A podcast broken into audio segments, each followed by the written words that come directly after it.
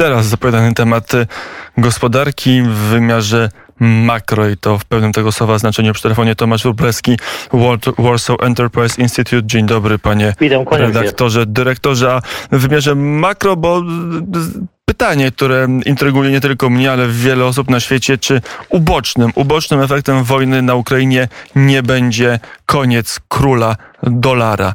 Czy amerykańska waluta przeżyje tą wojnę i sankcje, przede wszystkim sankcje y, dalej jako y, globalna, najważniejsza waluta? Znaczy, te takie procesy upadku walut rezerwowych czy tych głównych międzynarodowych walut są dość długie, to trwa. Natomiast y, rzeczywiście jakiś tydzień temu, czy dwa, dziesięć dni temu, y, analityk Credit Suisse opublikował taki głośny dosyć tekst w środowiskach monetarystów. To jest Zlotan Poszwar, który napisał, zaczął od taki na 3000 znaków tekst, którym zaczął od tego, że ten czas jest na Bretton Woods 3. To jest krótki wywód, który potem został e, jeszcze raz rozwinięty drugim większym tekstem, do którego odnoszą się i tacy wybitni makroekonomiści jak Adam Tus w bardzo dużym teraz obszernym materiale e, Janet Yellen, tak naprawdę nie wymieniając poszwara nazwiska, odnosiła się do jego tekstu na, w czasie posiedzenia Rady Atlantyckiej, nawołując do całkowitej przebudowy systemu monetarnego i także Banku Światowego i, e, i Międzynarodowego Funduszu Walutowego. Poszar mówi, że odwołując się także do historycznych doświadczeń, nie on jeden na to zwraca uwagę, to że e, tak naprawdę ogromnym zagrożeniem dla wielu państw, w sumie to jest 70% populacji państw, które nie popierają sankcji w Rosji, może nawet nie to, że występują w jej obronie, ale boją się tego, co my nazywamy zmilitaryzowaniem dolara, czyli e, składaniem tych pieniędzy, wykorzystywaniem do działalności niezbrojnej, ale do tego, żeby podważyć funkcjonalność danego państwa. Boją się tego, ponieważ Większość narodów, większość państw ma swoje oszczędności w rezerwach dolarowych, większość transakcji przebiega e, w, w pieniądzach w dolarach i jeżeli rzeczywiście można dokonać czegoś takiego z Rosją, no to wychodzi się z założenia, że z każdym z nas można, z każdym innych państw to zrobić. I kraje takie jak Indie, Brazylia, e, Afryka Południowa, e, już nie mówię o tych takich notorycznych wrogach demokracji jak Iran czy Korea, ale mówię o krajach, które do tej pory w ogóle nie były rozważane, że są e, w, w otoczeniu pozaamerykańskim. Zaczynają e, częściowo wymieniać swoje pieniądze na inne waluty e, i szukać rozwiązań. Poszwar mówi, że ten proces będzie trwał, ale historycznie wojna w zasadzie jest takim katalizatorem przemian y, walutowych. I on mówi o globalnych wojnach. No i można się zastanowić, czy ta wojna na Ukrainie ma charakter globalny, no bo rzeczywiście nie ma w zasadzie amerykańskich czy zatowskich wojsk zaangażowanych bezpośrednio w działania zbrojne, ale jest y, zachodnia broń, która odgrywa dość dużą rolę, zachodnie mm, natowskie, amerykańskie systemy informatyczne, wsparcie logistyczne. Mamy bardzo duże wsparcie także i to jest najważniejsze z właśnie y, mechanizmów finansowych, walutowych poprzez sankcje. No i jeżeli patrzymy na to od strony monetarnej, no to to jest wojna globalna. To jest wojna totalna, która nie jest już tylko z Rosją, bo tutaj Rosja występuje jako trochę zastępczy przeciwnik, ale także jest pokazaniem Chinom, y, gdzie są dla nich zagrożenia. No i y, Poszwar mówi, że to, co w tej chwili jest największą walutą, to, jest towar. Pieniądza jest za dużo, na rynkach. Nie bardzo wiadomo, co z nim robić. Może pan i ja wiemy, co z nim robić, ale rozumiem, że wielkie instytucje finansowe już się gubią w tej sytuacji. No, bo kiedy ma się pytanie... kilkadziesiąt, kilkaset tysięcy, to można jeszcze sposób wymyślić. Jak ma się kilkaset bilionów, czy nawet miliardów, no to już jest kłopot, co z takim pieniędzmi nie wie, nie, wie, nie wie się, czy te pieniądze jak przejdą z jednego banku do drugiego, czy wrócą do nas, tak? Albo w jakiej postaci. No i e, w związku z tym, e, tym co jest na pewno towarem deficytowym. To są te pocięte łańcuchy dostaw, to są e, problemy z surowcami. One nawet jak ten gaz płynie, to nie wiadomo dokąd, albo nie dopływa, ta ropa gdzieś błąka się po e, oceanach, brakuje chipów komputerowych, brakuje e, wszystkiego, tak? I te konflikty i napięcia, między, które dochodzą do tego między Chinami i Stanami Zjednoczonymi, blokują nie tylko kapitał, ale także blokują i przede wszystkim towary. I towar z punktu widzenia zwykłego obywatela jest tym dobrem najbardziej e, w tej chwili deficytowym. To widzimy po cenach. Inflacja jest odbiciem tego między innymi, co się dzieje z towarami. E, w tych dzisiaj czytałem, że o 30% średnio na całym świecie wzrosły ceny wypieków wszelkich. Tam jedni mają swoje e, pity, drudzy mają swoje e, bułki, chleb, ale w każdym razie jest daleko idący deficyt. W związku z tym on twierdzi, że ten nowy pieniądz to będzie pieniądz towarowy, oparty o towar, nie o zaufanie społeczne czy polityczne państwa, to jest ten system stworzony w Bretton Woods w 1944 roku, potem poprawiony i zmieniony w 1971 na Bretton Woods 2 e, i w tej chwili w zasadzie trochę taki powiązany sznurowadłami e, da nam i dalej jeszcze funkcjonuje. Ale pytanie, Tylko... o który towar? Czy o każdy towar? No bo kiedyś mieliśmy pieniądze towarowe. Czy to były pręty stali, czy żelaza, czy to były płacidła, tak, czyli jakieś takie płachty płótna. Co teraz będzie towarem? Może ropa no, pierwszy, będzie tym towarem? Pierwszy pieniądz towarowy to był w starożytnym Rzymie chiński jedwab. Tak? To była ta pierwsza globalizacja w pierwszym wieku naszej ery i to był ten pierwszy pieniądz towarowy. No to właśnie trzymając się tego przykładu jedwabiu, kiedy dobro jest bardzo y, y, pożądane na dworach rzymskich, jest uważane za objaw bogactwa y, i wartości może stać się towarem i w związku z tym cała polityka nie tylko monetarna, ale także polityka, geopolityka, kultura zaczyna kręcić się wokół tego towaru. Możemy sobie wyobrazić, że tych towarów będzie kilka, że to będą jakieś źródła energii, że to będą y, kamienie, metale ciężkie, których mamy deficyt, że to będą y, zapasy, właśnie czypy komputerowe, czy ten krzem, który jest potrzebny do ich wyprodukowania, co tam jeszcze.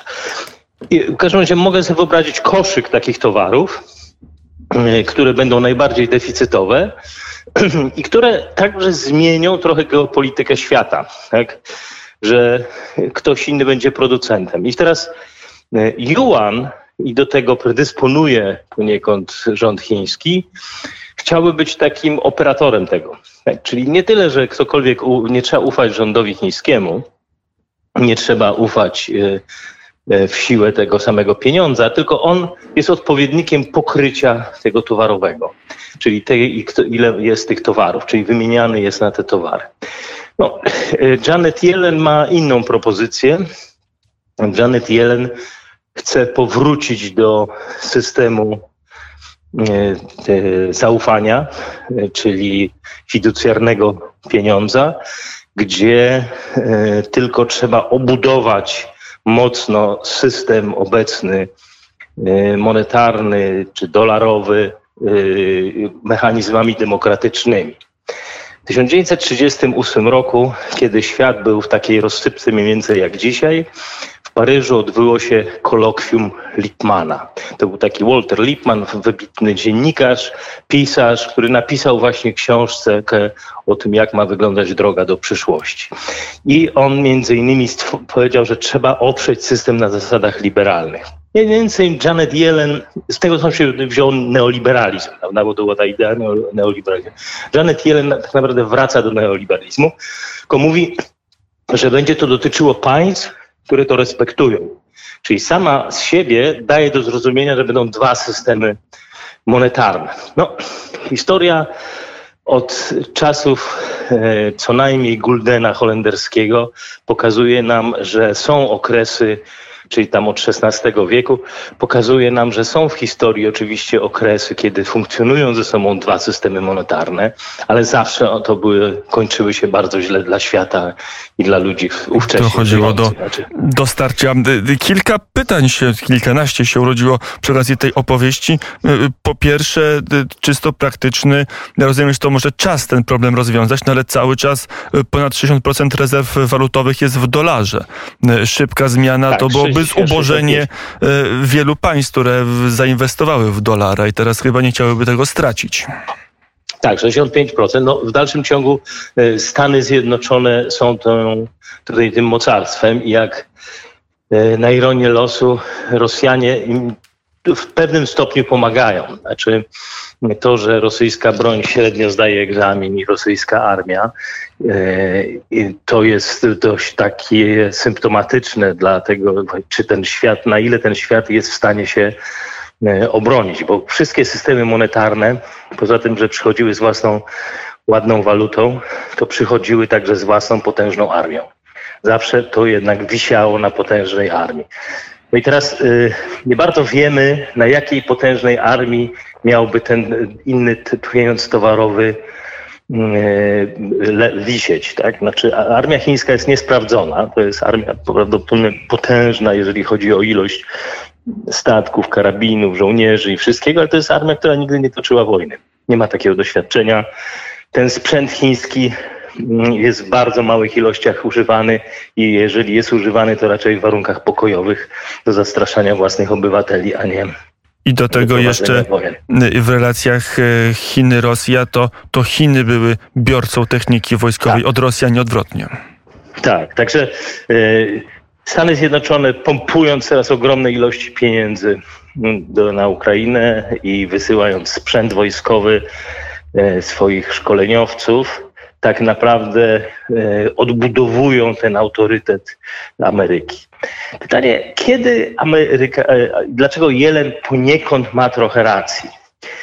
Kiedy ten autorytet Ameryki upadł i kto za to odpowiada? To jest rok 2001 i wpuszczenie Chin do e, Światowej Organizacji Handlu. To było pierwsze państwo, które weszło do Światowej Organizacji Handlu, nie spełniając tych przysłowiowych warunków z kolokwium Lipmana, czyli nie mając zarówno zasad wolnorynkowych, fundamentów tych przejrzystych, określonych Bretton Woods, jak i zasad y, demokratycznych. Właściwie Chiny łamały wszystkie możliwe zasady dotyczące y, y, tego neoliberalizmu i wolnego rynku. Tak, żeśmy sobie tam opowiadali wtedy, to pan pamięta jeszcze z 10-20 lat, że to jest chińska droga do kapitalizmu. Chińska droga do kapitalizmu polegała na tym, że po prostu oszukiwali system. I to skorumpowanie całego systemu, które połączyło się także ze skorumpowaniem amerykańskich, zachodnioeuropejskich elit, którym bardziej zależało na prowadzeniu relacji handlowych z Chinami, bogaceniu się niż na podbudowaniu systemu, spowodowało, że ten system się po prostu zaczął zapadać w sobie zaczął się zapadać e, od tego, co David Goodhart fantastycznie opisał w książce Droga do gdzieś tam, gdzie opisuje, jak następuje rozpad społeczności w Wielkiej Brytanii, w Stanach Zjednoczonych, w ośrodkach przemysłowych, gdzie te miejsca pracy uciekają. Uciekają dlatego, że przedsiębiorcy przynosili tam, gdzie był, mogli więcej zarobić, a mogli zarobić dlatego, że tam nie przestrzegano tych samych zasad i reguł. I teraz Janet Yellen mówi, że możemy wrócić te 20 lat w tył i naprawić to. Przyjąć jakieś surowe zasady, wyrzucić z Banku Światowego Chiny, wyrzucić Rosję, wyrzucić wszystkich, że nie było. Tylko pytanie, i to jest poszwar, który twierdzi, że to już za daleko zaszło, że e, te, po tych 20 latach mamy w tej chwili cały duży obóz państw, które wybrały, nazwijmy sobie tą chińską drogę do kapitalizmu i są przekonane, że mogą tak funkcjonować. I bardziej się boją teraz uzbrojonego dolara niż uzbrojonego Putina. I w związku z tym e, nie wiemy, jak to dalej może się potoczyć. Ale jak powiedziałem, funkcjonowanie w dwóch systemach jednocześnie, z kompletnie z dwóch różnych planet, to jest najgroźniejsze, co mogłoby nas spotkać. Jeszcze jeden, jedno szczegółowe pytanie o nośniki energii. No jednak dolar splótł się z ropą naftową w globalnych rozliczeniach. Teraz są sygnały, że to może się rozszyć. Arabia Saudyjska może przyjmować juany. Mamy Rosję, która zachęca Europę do opłaty w, pośrednio w rublach. Godzi się na transakcje juanowe w dostawach do Chin, że nagle nośniki energii mogą się przestać kojarzyć z dolarem tylko i wyłącznie. Znaczy, dlaczego dolar tak długo przetrwał i jest taką tą walutą silną? No przede wszystkim dlatego, że jest stabilną. Przy obecnych wahaniach yy, rubla, a także jak widzimy teraz zapaści juana, yy, jest to bardzo ryzykowne, tak? No bo ta ropa płynie tam miesiąc sobie przez ocean i okazuje się, że została wyceniona na inną kwotę niż już ta wartość tego juana. Kiedy w 1944 roku podpisano umowę Bretton Woods, wyceniono e, jednego dolara, wartość jednej uncji złota na 35 dolarów i po takim kursie wymieniano wszystkim pieniądze. I to była ta atrakcja. E, tak, coś, co rzeczywiście przyciągało do dolara, czyli gwarancja tego, że zawsze ta wymiana będzie stabilna. Nie ma w tej chwili kraju, który może to zaoferować. Jedyne, co Chiny mogą zaoferować, to mogą powiedzieć, że ze względu na skalę i potencjał swój są w stanie kontrolować taką ilość towaru wybranego, że ten pieniądz będzie miał w tym pokrycie. Tak? Jeżeli wybiorą sobie na przykład metale ciężkie jako element pokrycia, które są konieczne do zarówno budowy samochodów, w tej chwili baterii samochodowych, jak i e, rozmaitych urządzeń energii odnawialnej, czego tam jeszcze, komputerów no, i że bez tego świat nie może funkcjonować, a Chiny powiedzmy, że kontrolują tego największą ilość, to mogą powiedzieć, że to jest pokrycie w tej nowej gospodarce i że mogą w tym płacić. No i to, to jest pytanie, czy raz y, świat zaufa chińskiemu systemowi, który jednak jest sterowany przez dyktatora i też może zmienić zdanie w każdej chwili. Dwa, czy to będzie jedyny ten wyznacznik, co z deficytem żywności na przykład. E, także tych pytań jest znacznie więcej. I myślę, że teraz e, Xi Jinping e, w tej sytuacji, którą mamy w Chinach, no, nie poprawia swojej sytuacji. Chiny przeżywają swoisty kryzys, zapaść, doświadczenia Rosji, Ukrainy, czy agresji rosyjskiej na Ukrainie pokazują, że to, co Wam wcześniej powiedział, że ta pozycja Chin może nie jest aż tak silna, jak się wydarzało. Tak? Bo jeżeli przyjmiemy, że ta proxy, wojna zastępcza, to nie jest wojna Ukrainy z Rosją, tylko tak naprawdę to jest Rosja e, z Ukrainą, to jest wojna zastępcza dla Chin, chińsko-amerykańskiej, no to jak na razie e, nie można uznać, że Chiny tą wojnę wygrywają. I to jest słabość Iłana. Także dlatego możliwe, że Jelen próbuje jeszcze ratować ten system. W 1938 roku na tym sławnym kolokwium paryskim byli tacy ludzie jak Robke, jak Friedrich Hayek, y, największe umysły Europy wtedy i wymyślili system, który fenomenalnie działał i w zasadzie działał do teraz, bo to jest ten sam system. Tylko nie dało się już go wdrożyć w tamtym świecie, bo tamten świat już się skończył w 1938 roku i musiał poczekać aż do 1944. Pytanie, czy ten model, który Jelen wymyśla, nie jest już nasz świat po. To jeszcze dwa pytania i zawrę je w jednym, bo czasu mamy niewiele.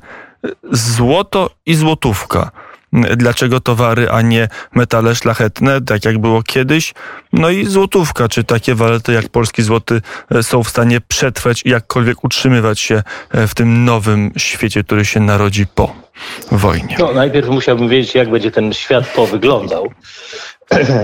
I y, to pytanie jest nie tyle, jak się ten, ta waluta będzie nazywała i jak będzie, e, do, do, do czego, do jakiego systemu będzie podwiązana. I to, to będzie ta krytyczna decyzja, czy zostajemy dalej, co by wskazywało wszystko na to, w systemie dolarowym, e, czy z jakichś powodów mielibyśmy przejść na system e, towarowy i oparty na juanie. Gdybyśmy przeszli na tamten juanowy, to chyba wszystko byłoby inaczej w Polsce i nawet nie wiem, czym chciał spekulować. Jak to by wyglądało, ale jest w ogóle sens, no bo to, to jest debata, która toczy się w Polsce od kilku lat, cyklicznie nawraca, odchodzi wejść do euro, bo złotówka to jest zbyt słaba waluta, żeby poradzić sobie w globalizującym się świecie. No, znaczy, yy, złoto, mamy dość długie doświadczenia, jeżeli chodzi o złotego i yy, gwarancje w złocie. Bardzo długo żeśmy trwali, kiedy już inne kraje przed wojną odchodziły od tego.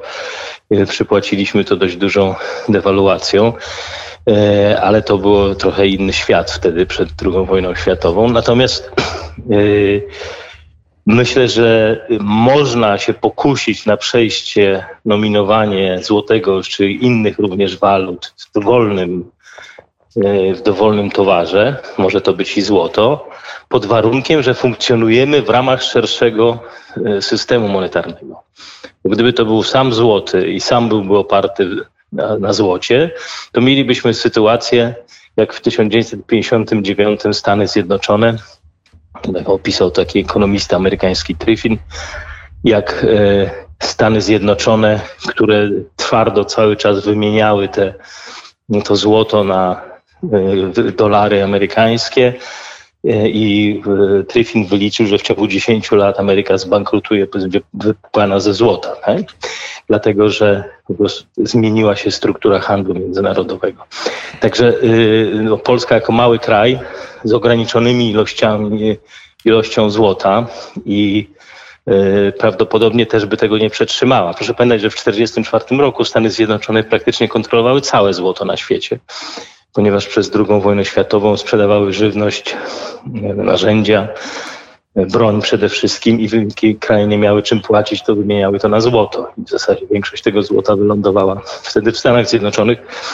E, co dawało im tą przewagę. No my takiej ilości złota nie mamy, chociaż widzę, że prezes Glapiński robił ogromne wysiłki, zanim jeszcze zaczęła się inflacja, kiedy drukował pieniądze. zwiększyć e, zasoby polskiego złota. E, redaktorze, na koniec już, na ile wierzy pan redaktor w to, że, że wojna na Ukrainie, że to jest ten moment, który będzie jakimś przełomem, że, że to jest ten moment przesilenia, który wiele osób wróżyło, że on teraz właśnie nastąpi w wyniku, że, że ta wojna na, na Ukrainie będzie swoistym katalizatorem dla takich głębokich zmian? Hmm. Znaczy przełom monetarny wierzę, że to następuje.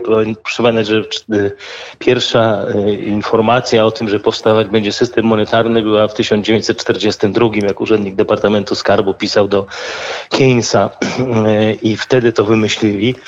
To wojna była jeszcze w toku i trudno było przewidzieć jej koniec. E, także myślę, że to jest ten moment, kiedy ten system monetarny teraz się będzie wykluwał na koniec tej wojny, którą nazywam globalną ze względu na konsekwencje i skutki globalne e, tej wojny Rosji, agresji Rosji na Ukrainę. E, natomiast w samej wojnie to na dzisiaj nie wróżę najlepiej. Znaczy mamy sytuację, w której właściwie nikt jej nie chce skończyć. Rosja nie może pozwolić sobie na skończenie tej wojny ze względu na to, że byłaby to w obecnym stadium porażka. Ukraina nie może skończyć tej wojny, ponieważ uwierzyła, że może wygrać, mając poparcie Amerykanów, ale nie tylko. I Amerykanie też wierzą, że mogą wygrać. Mamy trzy państwa, które są najwa- mają największy wpływ na te dzieje. Wszyscy wierzą, że każdy może wygrać. To według Klauszewica to jest po prostu definicja katastrofy wojennej. Znaczy, jeżeli wszystkie strony wierzą, że mogą tą wojnę wygrać, to znaczy, że któraś się myli, ale żadna nie ustąpi. E, powiedział Tomasz Wróblewski, dziennikarz i, i analityk, tak już trzeba powiedzieć, związany z Warsaw Enterprise Institute. Dziękuję bardzo za rozmowę. Dziękuję bardzo. Do usłyszenia.